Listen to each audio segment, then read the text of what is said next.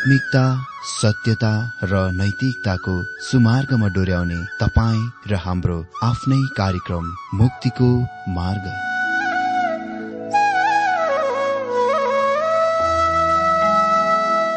आदरणीय श्रोता यस मुक्तिको मार्ग कार्यक्रममा हार्दिक स्वागत छ आशा छ यस आत्मिक कार्यक्रमद्वारा जीवनमा आत्मिक आशिष अलौकिक शान्ति र आनन्द प्राप्त गर्नुहुनेछ। र जीवनमा धन्य अनुभव गर्नुहुनेछ।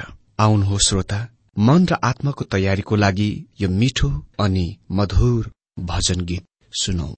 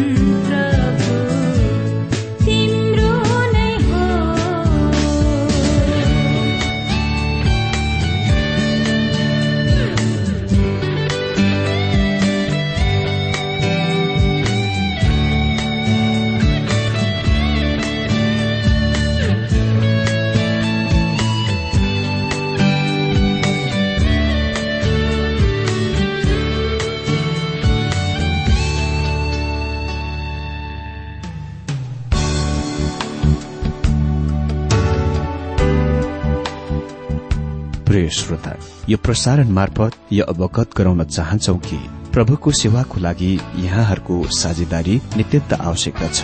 यहाँहरूले प्रार्थनाको साथसाथै आर्थिक सहायता गर्न अनुरोध गर्दछौ। तपाईँहरूको सानो भन्दा सानो भेटी किन नहोस्? हामी प्रभुको नाममा स्वीकार गर्नेछौ प्रभुको सेवाको लागि। तपाईँहरूको यो सानो लगानीले कसैको जीवनमा भिन्नता ल्याउँछ अनि प्रभुको महिमा हुन्छ। प्रभु तपाईँहरूलाई महान गरी आशिष दिनुहुनेछ। इच्छुक श्रोताहरूले तपाईँको इच्छा भेटी हाम्रो ठेगानामा पठाउन सक्नुहुन्छ जुन ठेगाना हामी कार्यक्रमको अन्तमा दिनेछौं। प्रिय श्रोता मित्र प्रभु येशु ख्रिस्टको मधुर अनि सामर्थ्य नाममा मेरो जयमसी अनि हार्दिक स्वागत छ आज पनि यो बाइबल अध्ययन कार्यक्रममा। श्रोता अघिल्लो कार्यक्रममा हामीले परमेश्वर प्रेम हुनुहुन्छ र साना परमेश्वरका सन्तानहरूले एक अर्कालाई प्रेम गर्नुपर्छ भन्ने विषय अन्तर्गत वचन पहिलो युहना चार अध्यायको सातदेखि नौ पदबाट अध्ययन गरिरहेका थियौं। आज पनि उही विषयबाट हामी पहिलो योहना चार अध्यय दसदेखि बाह्र पदसम्मबाट बाइबल अध्ययन गर्नेछौ। त्योभन्दा पहिले अघिल्लो दिनमा अध्ययन गरिसकेको बाइबल खण्डलाई म पाठ गरिदिन्छु। पहिलो योहना चार अध्यय सातदेखि नौ पदमा यस प्रकार लेखिएको छ। प्रिय हो हामी एउटाले अर्कालाई प्रेम गरौं किनभने प्रेम परमेश्वरबाट आउँछ। जसले प्रेम गर्छ त्यो परमेश्वरबाट जन्मेको हो र परमेश्वरलाई चिन्छ। प्रेम नगर्नेले परमेश्वरलाई चिन्दैन। किनभने परमेश्वर प्रेम हुनुहुन्छ। परमेश्वरको प्रेम हाम्रा माझमा यसरी प्रकट भयो कि उहाँले आफ्ना एकमात्र पुत्र संसारमा पठाउनुभयो ताकि पुत्रद्वारा हामी जिउन सकौं। यहाँ हामीलाई युवाना भन्छन् कि हामी विश्वासीहरूले एक आपसलाई प्रेम गर्नुपर्छ। किनकि हामीलाई पनि परमेश्वरले प्रेम गर्नुभएको छ। र आफ्नो प्रेम आफ्नो एकमात्र पुत्र येशु ख्रिष्टलाई हाम्रो निम्ति मर्न दिनु भएर प्रकट गर्नुभएको छ। उहाँले हाम्रो सामने एक महान उद्धार पेश गर्नुभएको छ। मित्र प्रेम एक प्रमाण हो। हामी परमेश्वरका सन्तानहरू हौ भनेर। पहिलो युहना चार अध्ययको दश पदमा यस प्रकार लेखिएको छ प्रेम यसैमा छ कि हामीले परमेश्वरलाई प्रेम गरेका होइनौ तर उहाँले हामीलाई प्रेम गर्नुभयो र हाम्रो पापको प्रायश्चित हुनुको निम्ति आफ्नो पुत्र पठाउनुभयो। युहनाले अघि पनि प्रायश्चित शब्द प्रयोग गरिसकेका छन्। पहिले युहना दुई अध्ययको दुई पदमा जहाँ लेखिएको छ अनि उहाँ हाम्रो पापहरूको निम्ति प्रायश्चित हुनुहुन्छ। अनि हाम्रा निम्ति मात्र होइन तर सारा संसारका पापहरूको निम्ति। यो शब्द अति नै उल्लेखनीय छ। म थाहा गर्दछु कि नयाँ नियममा प्रायश्चित अर्थात प्रोपोटिएसन्सको रूपमा दुई भिन्न भिन्नै ग्रीक शब्दहरू अनुवाद गरिएको छ। वास्तवमा यो उही एउटै शब्द हो तर यसको दुई भिन्न भिन्नै पाटाहरू र रूपहरू छन्। महान ग्रीक विद्वान डाक्टर एटी रोबर्टसनले लेख्छन् यहाँ प्रायश्चित शब्द हुयोन अर्थात पुत्रसँगको समानाधिकरणमा विशेषण कर्मकारक हो। प्रायश्चित अर्थात प्रोपटिएसन्सको अर्थ हो कृपासन अंग्रेजीमा मर्सी सिट भनिन्छ। यो पुरानो नियमको शब्द एटोनमेन्ट अर्थात प्रायश्चितसँग उही एउटै शब्द हो। जुनको त्यहाँ अर्थ छ ढाक्नु वा छोप्नु। हजुर म यसको स्पष्ट पार्न चाहन्छु। पवित्र वासस्थानमा पवित्रहरूको पनि महापवित्र स्थानमा त्यहाँ करारको सन्दुक राखिएको हुन्थ्यो। त्यस सन्दुकको टुप्पो वा शिरमा निखुर सुनका दुई करूपहरू राखिएका हुन्थे। र त्यस सन्दुक वा बाकसको ढकनीदेखि माथि ती करूपहरूले हेरिरहेका हुन्थे। सन्दुक अति नै सुन्दर चिज थियो किनभने यो बबुलको काठले बनाइएको हुन्थ्यो र त्यसको भित्री र बाहिरी सुनले मोरेको हुन्थ्यो। त्यस ढकनीलाई कृपा आसन भनिन्दथ्यो। अनि त्यस स्थानमा नै इसरायलको राष्ट्रले प्रधान पुजारीको व्यक्तिमा परमेश्वरलाई भेट्ने गर्दथे। वर्षमा एकपल्ट अनि खालि वर्षमा एकपल्ट मात्र प्रधान पुजारी पवित्रहरूको पनि महापवित्र स्थानभित्र कृपा आसनमाथि बलिको रगत छर्कनलाई आउँदथ्यो। त्यसले नै यसलाई कृपा आसन बनायो किनभने तिनीहरूले खालि त्यस तरिकामा मात्र परमेश्वरलाई भेट्न सक्थे। परमेश्वरले तिनीहरूलाई प्रेम गर्नुभयो तर उहाँले खालि तिनीहरूलाई प्रेमको सस्तो वस्तु पहिराएर यो भन्नु भएन। तिमीहरू जुन तरिकाको चाहन्छौ कुनै पनि तरिकाको बाटोद्वारा तिमीहरू मका आउन सक्छौ। अह यही नै तरिकामा तिनीहरू परमेश्वर कहाँ आउनु पर्ने थियो। प्रायश्चितको महान दिनमा प्रधान पुजारी पवित्रका पनि महापवित्र स्थानमा गएर कृपा आसनमाथि बलिको रगत छर्काउनु पर्दथ्यो। यसको अर्थ यो हो इसरायल राष्ट्रलाई अर्को वर्षसम्म वा अर्को वर्षको लागि परमेश्वरद्वारा ग्रहण गरियो। अनि त्यसपछि अर्को वर्ष फेरि तिनीहरूले उही तरिकामा उही कुरामा भएर जानु आवश्यक पर्ने थियो। अहिले यहाँ पहिलो युहान चार अध्यायको दश पदमा प्रभु येशुलाई हाम्रा पापहरूको लागि प्रायश्चित भनिएको छ। जुनको अर्थ हो येशु उहाँ स्वयं कृपा आसन हुनुहुन्छ किनभने उहाँ यहाँ हाम्रो निम्ति मर्नुभयो। रोमी चार अध्यायको पच्चिस पदमा लेखिएको छ प्रभु येशु हाम्रा अपराधहरूको निम्ति सुम्पिनुभयो र हाम्रा धार्मिकताको निम्ति बौराइनुभयो। उहाँले हाम्रो लागि प्रायश्चित बनाउनु भएको छ जुनले गर्दा तपाईँ र म साहससँग अनुग्रहको परमेश्वरको सिंहासनमा आउन सक्छौ। त्यो सिंहासन अहिले अनुग्रहको सिंहासन भएको छ किनभने हाम्रो लागि त्यहाँ कृपा छ। त्यही नै ख्रिस्टले गर्नुभयो र त्यही नै तरिकामा परमेश्वरले हाम्रो लागि हाम्रो प्रेमको देखाउनुभयो प्रदर्शन गर्नुभयो। पहिले युहन्ना चार अध्यायमा युहन्नाले हामीलाई दुईपल्ट परिभाषा दिन्छन् परमेश्वर प्रेम हुनुहुन्छ। पहिलो युहना चार अध्यायको दश पद र पहिलो युहना चार अध्यायको सोह्र पदमा। यो अति नै अद्भुत कुरा हो। तर म चाहन्छु कि तपाईँले यसको बारेमा केही कुरा ध्यान दिएको। तपाईँ भन्न सक्नुहुन्न परमेश्वर कृपा हुनुहुन्छ। तपाईँ भन्न सक्नुहुन्न परमेश्वर अनुग्रह हुनुहुन्छ। अरू त के तपाईँ यो पनि भन्न सक्नुहुन्न परमेश्वर न्याय हुनुहुन्छ। तपाईँ भन्न सक्नुहुन्छ परमेश्वर पवित्र हुनुहुन्छ किनभने यही नै कथन परमेश्वर ज्योति हुनुहुन्छको तात्पर्य हो। तर तपाईँ यो पनि भन्न सक्नुहुन्छ परमेश्वर प्रेम हुनुहुन्छ। तर उही समयमा मैले यो कुराको पनि थप्नै पर्छ कि परमेश्वरले हामीलाई प्रेमद्वारा बचाउनुहुन्न। उद्धार गर्नुहुन्न। उहाँले हामीलाई प्रेम गर्नुहुन्छ र हामी त्यसको दृष्टि गुमाउन हराउन चाहँदैनौ। तर परमेश्वरले स्वर्गीयको पछाडितिरको ढोका खोलेर हामीलाई सुटुक्कै अन्ध्यारोको आवरण मुनि स्वर्गतिर घुसाउन हाल्न कति पनि सक्नुहुन्न। किनभने उहाँले हामीलाई प्रेम गर्नुहुन्छ। अह। अनि परमेश्वरले स्वर्गीयमा पर्खालहरूलाई तल निचे गिराएर तल गिराएर होच्याएर हामीलाई सजिलै गरी सुटुक्कै स्वर्गभित्र हुल्नुहुन्न परमेश्वरले त्यो बिल्कुल गर्न सक्नुहुन्न। र उहाँले त्यो गर्नुहुने छैन किनभने उहाँ पवित्र र धर्मी परमेश्वर हुनुहुन्छ। मेरो मित्र यद्यपि परमेश्वरले तपाईँलाई प्रेम गर्नु भए तापनि उहाँले तपाईँलाई प्रेमद्वारा बचाउनुहुन्न उद्धार गर्नुहुन्न। र उहाँले प्रेमद्वारा तपाईँलाई बचाउन उद्धार गर्न सक्नुहुन्न। परमेश्वरले पापको बारेमा कुनै कुरा निश्चय नै गर्नुपर्ने थियो किनभने परमेश्वर पवित्र र धर्मी हुनुहुन्छ र उहाँ जे गर्नुहुन्छ उहाँ बिल्कुल सही गर्नुहुन्छ। त्यसकारण परमेश्वरले तपाईँ र मेरो निम्ति क्रुसमा मर्न आफ्नो पुत्रलाई दिनुभयो।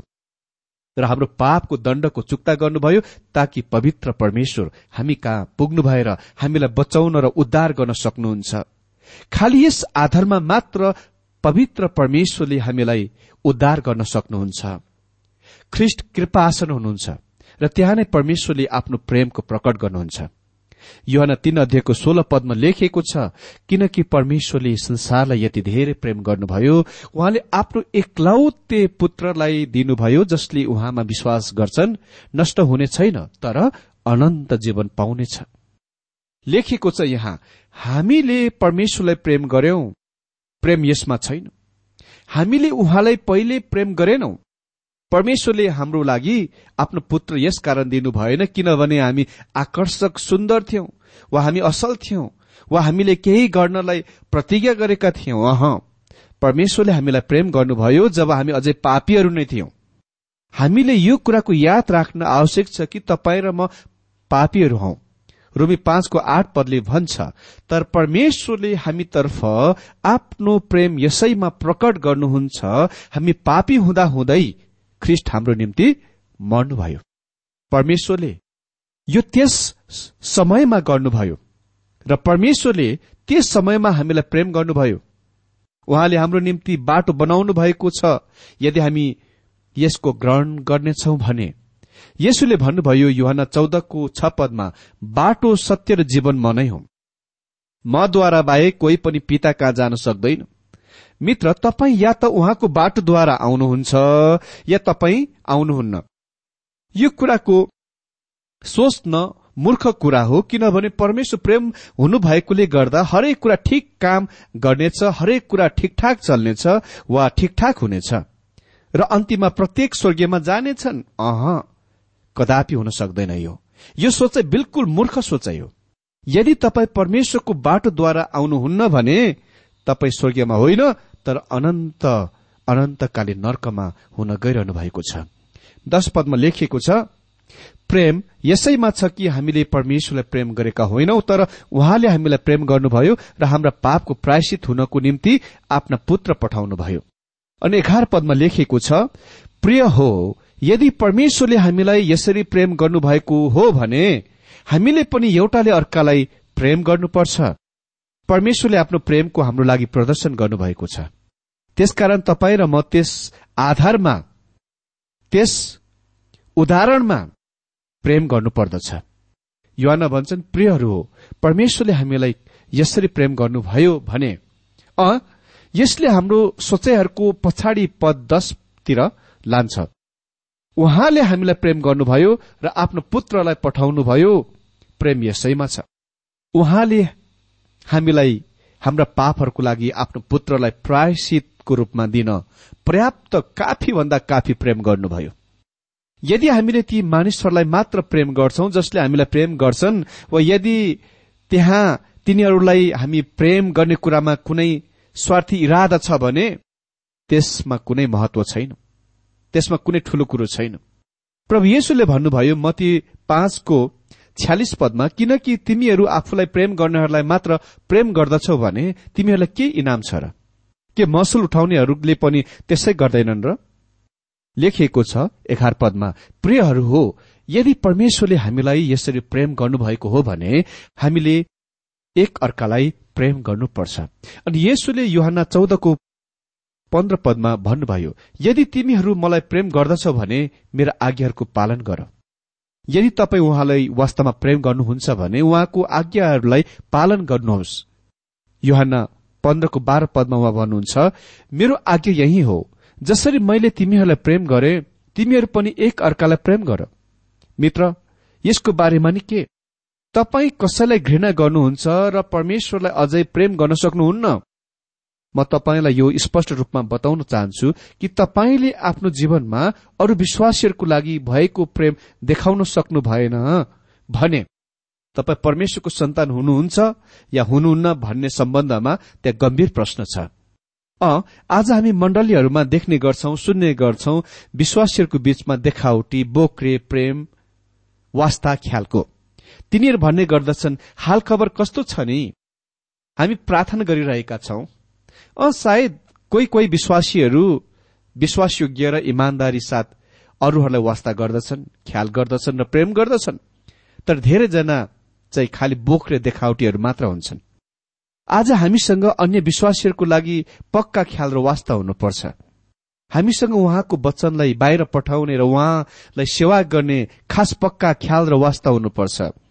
खालि बाहिर मुखले मात्र होइन तर व्यावहारिकतामा क्रियाद्वारा।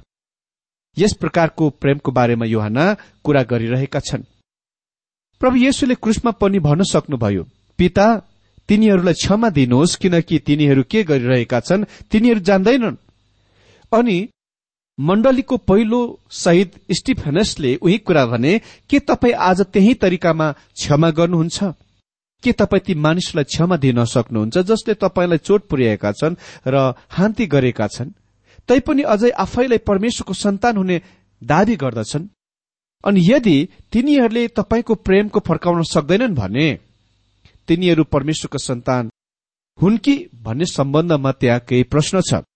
त्यो वास्तविक जाँच हो अनि यसले चोट पुर्याउँछ होइन र? बाह्र पदमा लेखिएको छ परमेश्वरलाई कसैले कहिले देखिएको छैन। यदि हामीले एउटा अर्कालाई प्रेम गर्यौं भने परमेश्वर हामीमा रहनुहुन्छ र उहाँको प्रेम हामीमा सिद्ध भएको हुन्छ। परमेश्वरलाई कसैले कहिले देखेको छैन। हजुर कोही विश्वासीहरू यस कथनको चुनौती दिन्छन् ती मानिसहरूको शास्त्रमा उल्लेखित नमूनाहरूको औल्याएर जसले परमेश्वरलाई देखेका छन्।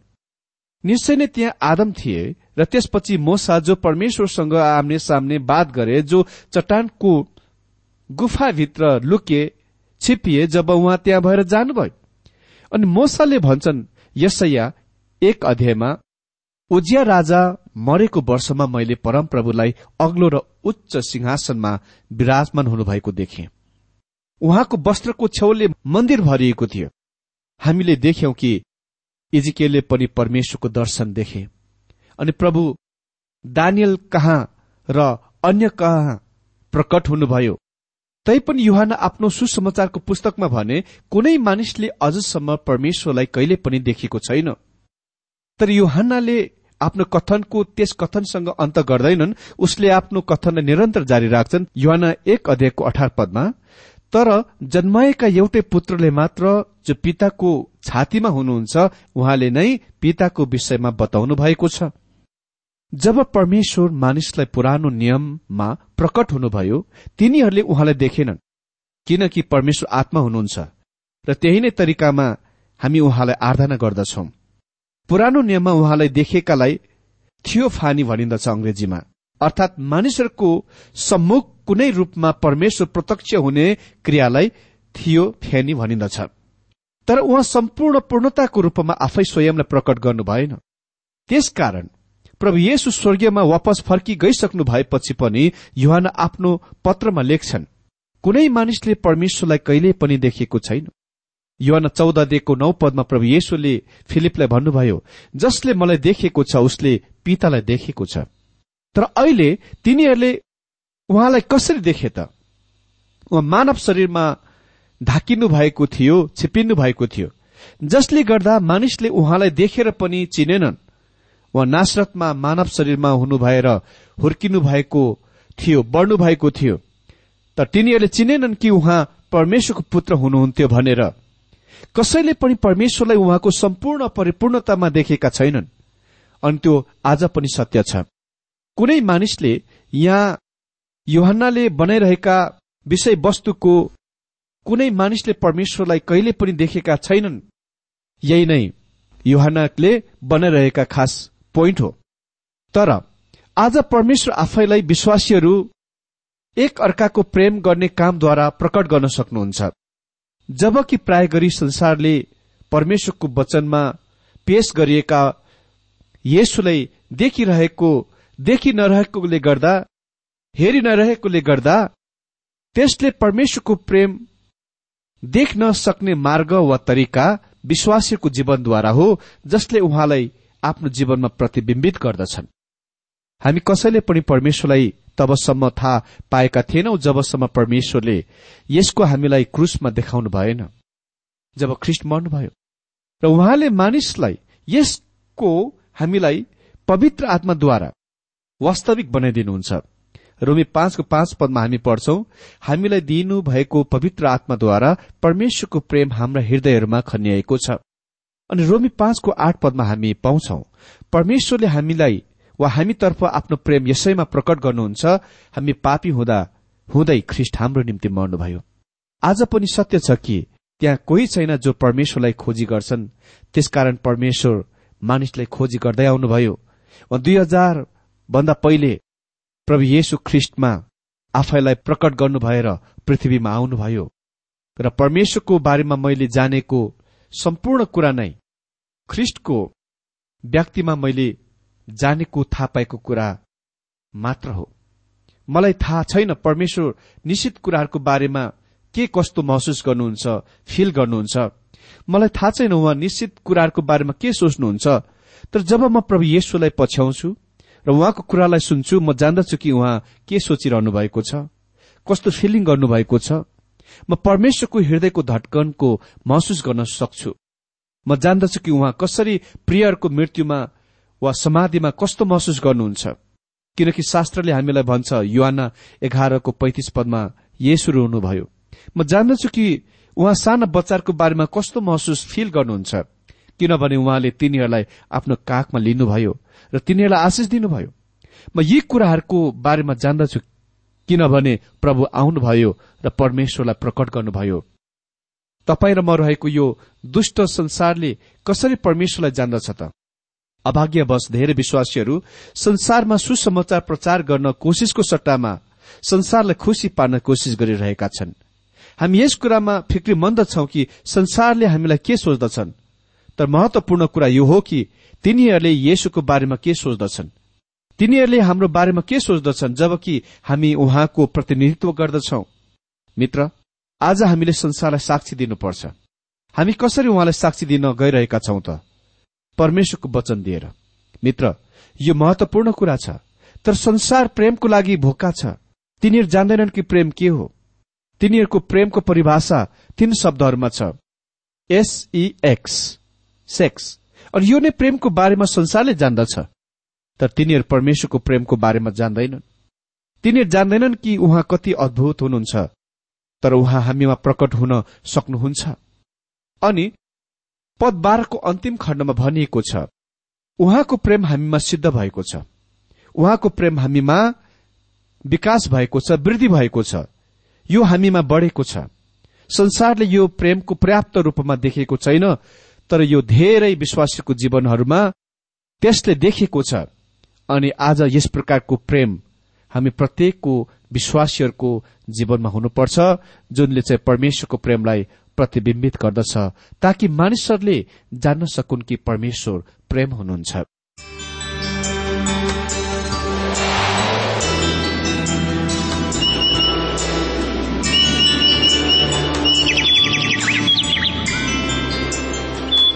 प्रिय श्रोता अहिले भर्खरै तपाईँले टीडब्ल्यूआर नेपालद्वारा सञ्चालित आत्मिक कार्यक्रम मुक्तिको मार्ग सुनिरहनु भएको थियो। श्रोता आजको यो कार्यक्रम सुनेर तपाईँलाई कस्तो लाग्यो? यदि यो कार्यक्रम सुनेर मनमा कुनै खुल्दुली वा कुनै प्रतिक्रिया अर्थात सुझावहरू छन् भने हामीलाई पत्रद्वारा लेख्न सक्नुहुनेछ। हामी हृदयदेखि नै स्वागत गर्नेछौ स्वीकार गर्नेछौ साथै बाइबल सम्बन्धित प्रचारहरू कार्यक्रम सारणीहरू हामी अनुरोधमा पठाउन सक्छौ। अनि तपाईँसँग कुनै प्रार्थनाको विषय छन् भने हामीले तपाईँको लागि प्रार्थना गरेको चाहनुहुन्छ। हुनुहुन्छ भने प्रभुमा आफ्नै परिवार सम्झेर हामीलाई पत्रमा लेख्न सक्नुहुनेछ। तपाईँको लागि हामी प्रभु येशुसँग प्रार्थना गर्नेछौ। अधिक जानकारी र पत्रचारको लागि हाम्रो ठेगाना यस प्रकार छ।